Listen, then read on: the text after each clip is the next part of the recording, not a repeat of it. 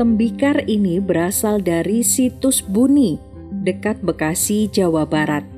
Dari situs ini terdapat dua jenis tembikar, yang berwarna kemerahan dan yang berwarna keabu-abuan dengan aneka ragam motif dan teknik menghias.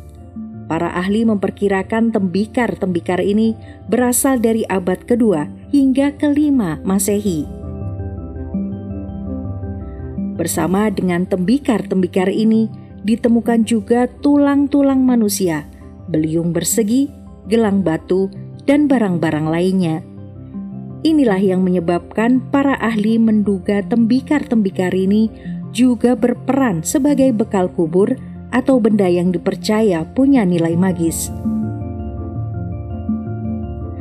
Tradisi membuat tembikar telah ada di hampir semua kebudayaan manusia seiring dengan munculnya tradisi bercocok tanam sekira 8000 tahun yang lalu. Nenek moyang kita menciptakan tembikar di sela-sela waktu luang menunggu hasil ladang. Tembikar diciptakan lewat serangkaian proses yang cukup rumit yaitu membentuk tanah, menghias, menjemur, melapis, membakar lalu menyempurnakan lagi.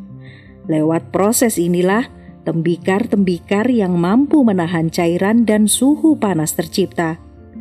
Tembikar-tembikar inilah yang memungkinkan nenek moyang kita menyimpan, mengawetkan, hingga mengolah makanan atau memasak.